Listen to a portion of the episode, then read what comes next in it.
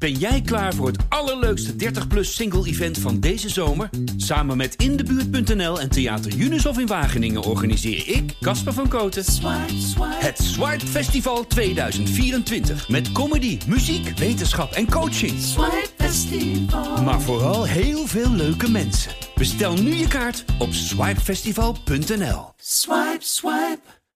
I believe that we can come end. Dit is de AD Voetbal Podcast met Etienne Verhoef. De appjes van de bondscoach. Oranje verlicht de zorgen van de spelers van Ajax. Noppert als doelman van Oranje. Kan dat wel? En scheidsrechters zijn klaar voor het WK. Dit is de AD, dit is de AD WK voetbalpodcast van 19 november. Uh, Maarten Wijfels. Ik uh, sprak onze chef. En die dacht eerst, ja, die historische feitjes die je steeds gooit, zeg maar, in die podcast. Ja. Maar ik zei, nu, nu, we, nu, nee, maar nu we op het einde, zeg maar, dan die feitjes, zeg maar, die vragen doorlinken, zegt hij, ja, maar nu luister ik hem helemaal uit. Ik zeg, kijk. Dus, Oh. en, en we hebben ook heel veel inzendingen gekregen op die vraag van gisteren. Het historisch feitje. Want ik had natuurlijk die vraag, welke speler scoorde de meeste goals op een WK voor Oranje? Ik heb mijn hele leven al gevoetbald. Als klein jochie. Mijn moeder was niet altijd blij met me. Want mijn schoenen waren om de drie maanden uh, helemaal uh, naar de kloten, laat ik maar zeggen. Ja, enig, uh, enig idee wie het was? Johnny Rep. Juist. Zeven doelpunten in Ja. 14 wedstrijden. Het goudhaantje. Ja. Ja, maar heel veel mensen, ik zag Sebastian Simba zei, ik moest het toch even opzoeken op Google.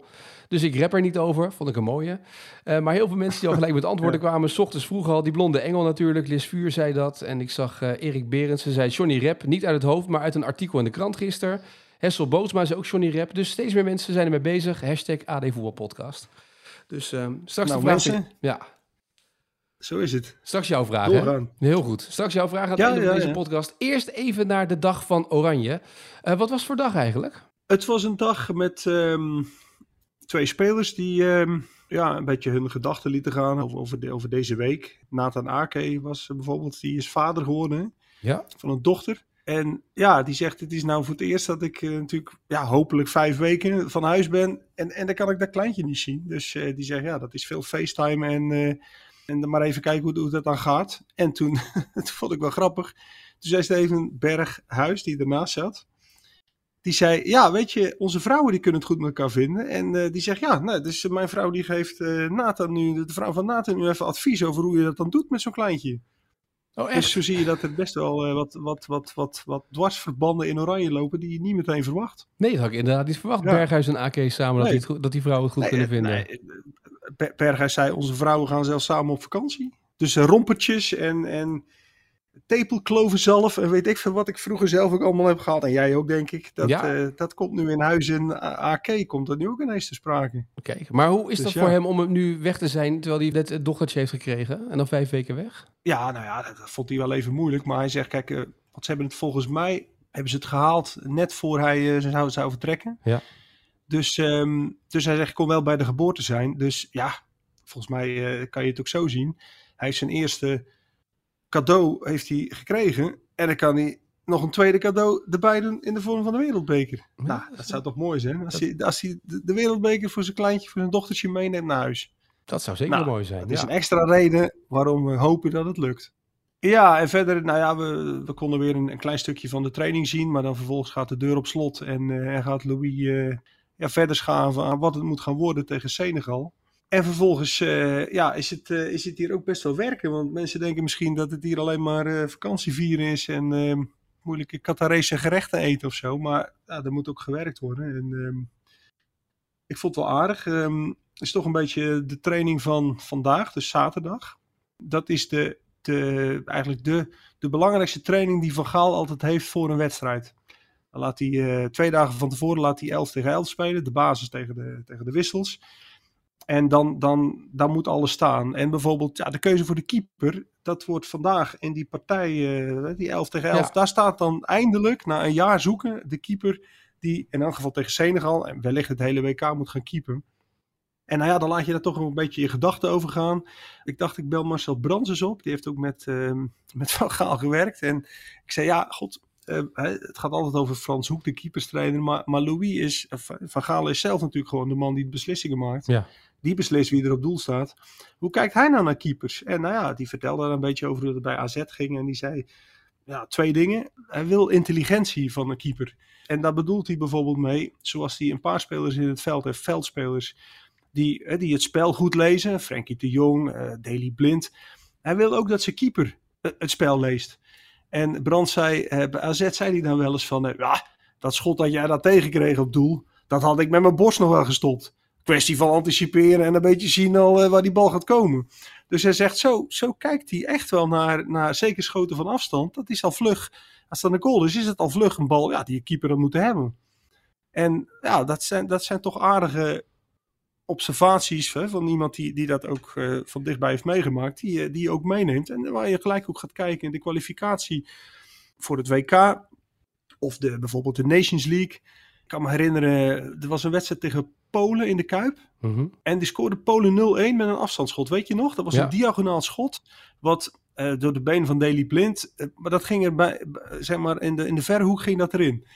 In die wedstrijd stond bijvoorbeeld Mark Vlekken op doel. Ik zal niet zeggen dat het, hè, dat het één op één eh, dan nog verklaart waarom die er nu niet bij is. Maar het, het was bijvoorbeeld een doelpunt wat, ja, wat Van Gaal al vlug van vindt. Ja, eh, van afstand kun je toch op anticiperen. Dat soort ballen eh, ziet hij er niet, liever niet in gaan. Ja. En zo waren er nog wel een paar, een paar goals die... eh, ja, als bijvoorbeeld naar Bijlo kijk, dan is Bijlo ook nog wel eens een keeper die van afstand ook nog wel eens een balletje doorlaat. Ja. Nou ja, en hetzelfde kun je van Pasveer ook zeggen in de Champions League of laatst tegen Vitesse, dat hij een goal tegen krijgt. Dat je denkt, ja, nou ja, wellicht eh, had hij hem kunnen hebben. Of misschien had hij hem inderdaad kunnen hebben in de visie van Van Gaal. Dus het zal moeten blijken wie uiteindelijk die keeper wordt. Maar ja, dat geeft een beetje inzicht in, eh, in hoe hij eh, er zelf naar kijkt. Maar even voor de luisteraars. Ik ben al een paar keer met jou op reis Ja. geweest naar het buitenland als er toernooien waren en dat soort dingen eh, de laatste jaren. En bijvoorbeeld in Portugal, in Lagos, eh, trainde Oranje op een mooi complex. En daaromheen waren wat panden die dan nog in aanbouw waren. En dan waren er besloten trainingen onder Frank de Boer. En wat ging Wijfels dan doen? Met de auto rondrijden op zoek naar een plek waar die dan zo'n verlaten gebouw in kon klimmen om toch nog te kijken of hij iets van die besloten training kon zien. Heb jij Dat moet rond... je nou natuurlijk niet zeggen. Hè? Nee, ja, nee, wel, want ze luisteren toch niet. Maar heb jij nu al een plek Oh. gespot rondom het universiteitsterrein waar je eh, iets ziet waarvan je denkt, nou, daar zou ik wel eens wat kunnen zien? Etienne, daar kan ik geen mededeling over doen. Oh, wat is Dat dit? is staatsgeheim momenteel. Oh, je bent Ja. dat de appjes allemaal gelezen worden door de Qatarese overheid natuurlijk. Ja, natuurlijk. Ja, nee, maar ja, nou ja, daar zeg je nou wat. Ja. we hebben hier ook een, een, een, trekker op onze telefoon. Nou, ik, ik denk dat zij elke minuut van de dag weten waar wij zijn. Hoor. Dat weet ik wel zeker. Dus, eh, dus, dus stel dat, ja, Louis denkt over alles na. Stel dat hij een, een lijn heeft met die Qatarese overheid van, hey, we willen wel even weten, als wij trainen waar die pers dan is. Ja. Nee, dus ja, weet je. Maar is het een besloten Nee, terrein? het Is is het trainingsveld bes- besloten of niet? Ja, nee, dat, dat is als je niet op het terrein moet zijn, dan kom je er ook niet binnen. Want Ja. dat is echt, eh, dat, dat, dat, dat is gewoon hermetisch afgesloten. Nee, dat wilde ik even En checken. inderdaad hoor, in, in het verleden, ik kan me herinneren, we hebben ook, ja toch, toch was het ook altijd wel leuk. Dan, dan bijvoorbeeld eh, het WK van 2006, toen trainde Oranje in Freiburg, in het stadion daar van Freiburg. En toen, toen hadden ze bedacht dat ze, dat ze zeg maar, ons wilden, eh, ons wilden afschermen met, met, met een soort, ja, een soort zwart doek. Mhm. Maar dat was dan aangebracht op een manier dat dat doek dan, dat, dat hing na twee dagen al op half zeven. En, en, en er was er weer een, een hoekje waar je weer wel net kon kijken. Dat was heel amateuristisch eigenlijk. En ja, dat, dat, dat, dus dat ging wel. En andere, ik kan me ook nog wel herinneren, we hebben ook wel bij, soms bij families eh, klopt die aan. In, ehm, in, in, in Lausanne bijvoorbeeld, dan trainen ze ook op een complex. En dan stond een grote flat naast. En inderdaad, en dan deed eh, mevrouw Burgmeijer, eh, die deed dan open. En dan zei ja, god, ja, mevrouw, eh, Entschuldigung, ja. ähm, äh, da, da, darf ich vielleicht äh, ein bisschen gucken? Und, ja, ja, oh, sehr gut, sehr gut. En dan, hoppakee, en dan stond je daar eh, in zo'n eh, zo'n hotel hè, of zo'n flatcomplex. Ik vond dat ook altijd de mooiste ding als Bert Maaldrink ergens een plekje vond waar hij dan net zo kon kijken met die camera voor de NOS. Vond het altijd schitterend als ze dat toch weer vonden. En dat Ja. vervolgens de dag later de bondscoach altijd boos was. Dat vond ik ook altijd mooi, weet je wel. Dan, dat geheim moeten Ja, we niet, hè? maar. Ja. Nee, maar dat is, dat is wel veranderd. Ja. Het is, eh, ja, dat, dat, is, dat is niet meer mogelijk. Eh, op die persconferentie waar jij bij was met Berghuis en Ake, eh, kwam Berghuis ook aan het woord over ja, de appjes van Louis van Gaal. Ook in, eh, in de meetings, maar, maar bijvoorbeeld ook eh, met appjes. Dus eh, ik heb hem bijvoorbeeld, eh, toen bekend was, werd dat, eh, dat de bondscoach ziek was, dat ik hem beterschappen, et cetera, wenste. En ja, daarin dank je wel. En ik hoop dat je klaar bent om, om wereldkampioen te worden, weet je. Dus zo, dat komt wel aan, moet ik zeggen. Ja. Het is een beetje het indoctrineren van de spelers. Hè? Het is continu dat gevoel oproepen, ben je er klaar voor om wereldkampioen te worden? Ja, nou ja, ik vond het inderdaad een, een sprekend voorbeeld van hoe dat, uh, hoe dat inderdaad gaat. En um, het moet inderdaad in die, in, die, in, die, in die mindset van die spelers ook komen. En ja, Van Gaal is ook niet de eerste, hè? want ik kan me herinneren in het WK van 2010, dan spraken we ook met spelers en die vertelden iedere keer dat ze dat ze dan na een wedstrijd, een gewonnen wedstrijd, dan um, uh, ging ze uitfietsen in een, uh, in, in een, een, fitness, zeg maar, uh, tegenover hun hotel. En die zat dan op de zoveelste verdieping van een, van een gebouw. En ja, daar waren ze aan het fietsen. En dan, zaten ze van, ja, nou, nou, die, die, die ploeg ook weer niet gewonnen. En, en, en wij weer wel. En ja, god, en heb je die zien spelen? Ja, nou, dat was ook niet bijzonder. Nou, misschien kunnen wij wel dit. En, ja, en, en Van Bommel vertelde ook, dat, dat geloof dat groeide met, met elke overwinning en met elke nieuwe fietstocht op die home trainers groeide dat geloof. En uiteindelijk was dat ook echt een elftal dat uitstraalde. Ja, nou ja dat, als de teen van Casillas er niet was geweest, dan, dan waren we natuurlijk al een keer wereldkampioen geworden. Dat doet me een beetje denken aan Robert Maaskant als trainer van RBC, die briefjes onder de deur schoof om te zeggen, je bent een kanje, je bent de beste, weet je, dat soort dingen. En dit werkt dit nog bij voetballers, vroeg ik me af. En kennelijk dus wel. Want... Ja, natuurlijk. Ja? Ja, maar ja, ja maar Etienne, dat werkt toch bij ieder mens. Uh, ieder mens groeit van een, van een compliment of van een, van een... Tenminste, zo sta ik in mijn werk het belangrijkste is inspiratie. Je moet mensen om je heen hebben die je inspireren. Daar gaat het om. Ja. Nou ja, Van Gaal is daar wel een meester in. Die, die, die, die, die, die, die pakt die spelers en die, die, die neemt ze mee in, in de droom en in de beleving die hij zelf heeft. En dat, uh, ja, en dat heeft natuurlijk in het verleden al tot, uh, ja. tot bijzondere dingen geleid. Maar verklaart dat ook waarom Berghuis zei van ja, weet je, uh, Ajax ligt nu ver weg van ons als achterop. We zitten nu hier. Of is dat echt nog niet zo ver mentaal, denk jij? Ja, het, jawel, jawel. Ja? Zeker. Ja hoor, nee, dat, dat is zo. En dat, dat geldt bijvoorbeeld ook voor Daily Blind. Die jongens, um, die laten dat even rusten. Ze komen in een andere omgeving. Um, soms ook een andere positie. Andere medespelers. Dat vroeg ik ook aan uh, bijvoorbeeld aan Nathan Ake, uh, ook aan Berghuis. Ze trainden, wanneer was dat? Donderdagavond. Dat is een hele intensieve training. 8 tegen 8. Nou ja, ik vroeg van, hoe verhoudt zo'n training zich nou tot tot, tot clubvoetbal. En toen zei Aken ook van ja, dat is, dit is echt heel anders. Want bij je club speel je om de drie dagen. Dan is het toch een beetje onderhouden. Eh, zorgen dat je gewoon weer fit bent voor de volgende wedstrijd. En nu staat er een WK te gebeuren. En, en het, het moet, het, het, moet goed zijn. Het moet, ons niveau moet zo hoog mogelijk zijn. En hij zegt dus dit was een hele intensieve training op echt een goed niveau. En ja, daar, daar genieten die spelers ook van natuurlijk. Dat, dat, dat neem je mee. Ja. En dan laat je dat chagrijn van, van, van Emma uit op kunstgras. Dat is snel vergeten hoor. Maar je zegt wel wat interessants inderdaad. Dat uh, waar normaal spelers nu in dit seizoen wat ze spelen met midweekswedstrijden, weekendwedstrijden. Dan is het echt alleen maar uitlopen, uh, fit blijven en vooral niet te veel belasting erop gooien. Maar uh, gewoon ja. alleen maar onderhouden. En, en nu hebben ze echt een week dat ze echt kunnen trainen ook. Ja, dat. En, en zometeen, dat is wel het voordeel van dit WK. Um, omdat er vier wedstrijden op een dag zijn. speel je niet meer om de drie dagen, maar om de vier. Ja. En elke voetballer zegt dat. Uh, als je vier dagen tussen wedstrijden hebt, dan kun je echt volledig herstellen. En dat is, dat is toch net weer wat anders dan drie. Dus uh, wat dat betreft is dat, ja, is dat, is dat best, is dat ideaal. Ja, de NBA-spelers zeggen dat ook altijd. Hè? Het is, uh, tijdens het seizoen van de NBA is het alleen maar bijhouden en onderhouden. Dan, dan schaaft de coach ja. nergens meer aan. Uh, conditietraining doe je eigenlijk al niet meer. Dan is, je komt de gym in om te ja. schieten en that's it eigenlijk. Ja, precies. Ja. Even terug naar, naar die opstelling. Ik begon ja. net in die kop. Noppert als doelman van Oranje. Ik, dat is eigenlijk een beetje de grootste vraag. Wie gaat er op doel staan? Maar zie jij het nou gebeuren? Want in die partijvorm van die donderdagavond zat hij wel in het basisteam natuurlijk. Ja, wat, wat moet je er nou van zeggen? Het is, um, het is, het is, er zijn een paar dingen duidelijk. Eén, uh, Van Gaal ziet dus geen, geen automatische uh, eerste doelman. Dus op het moment dat dat er niet is, ja, dan ga je um, ook op andere dingen letten. Um, hij kijkt ook naar data. Er kwam gisteren ook een, een, een, een, een, een, een data statistiek voorbij, of een statistiek voorbij van Opta. Uh, waarin Andries Noppert heel hoog scoort van alle 32 WK-keepers op het, het gebied van, um, ja, hoe zeg je dat? Uh, gestopte schoten eh, sinds Mhm. 2018. En dan is het natuurlijk best wel lastig vergelijken. Want ja, de ene keeper eh, speelt in, in de Bundesliga en de andere speelt in de Eredivisie. Eh, Noppert heeft ook niet zoveel gekiept. Maar ook in de Eredivisie is die statistiek van hem is echt oké. Is, is, is, is beter dan de andere. Dus ja, dat zijn dingen die ook meewegen. Maar ja, feit blijft ook nog steeds. Het is een keeper zonder enige internationale ervaring. Ja. Niet met de club en niet met, met Oranje.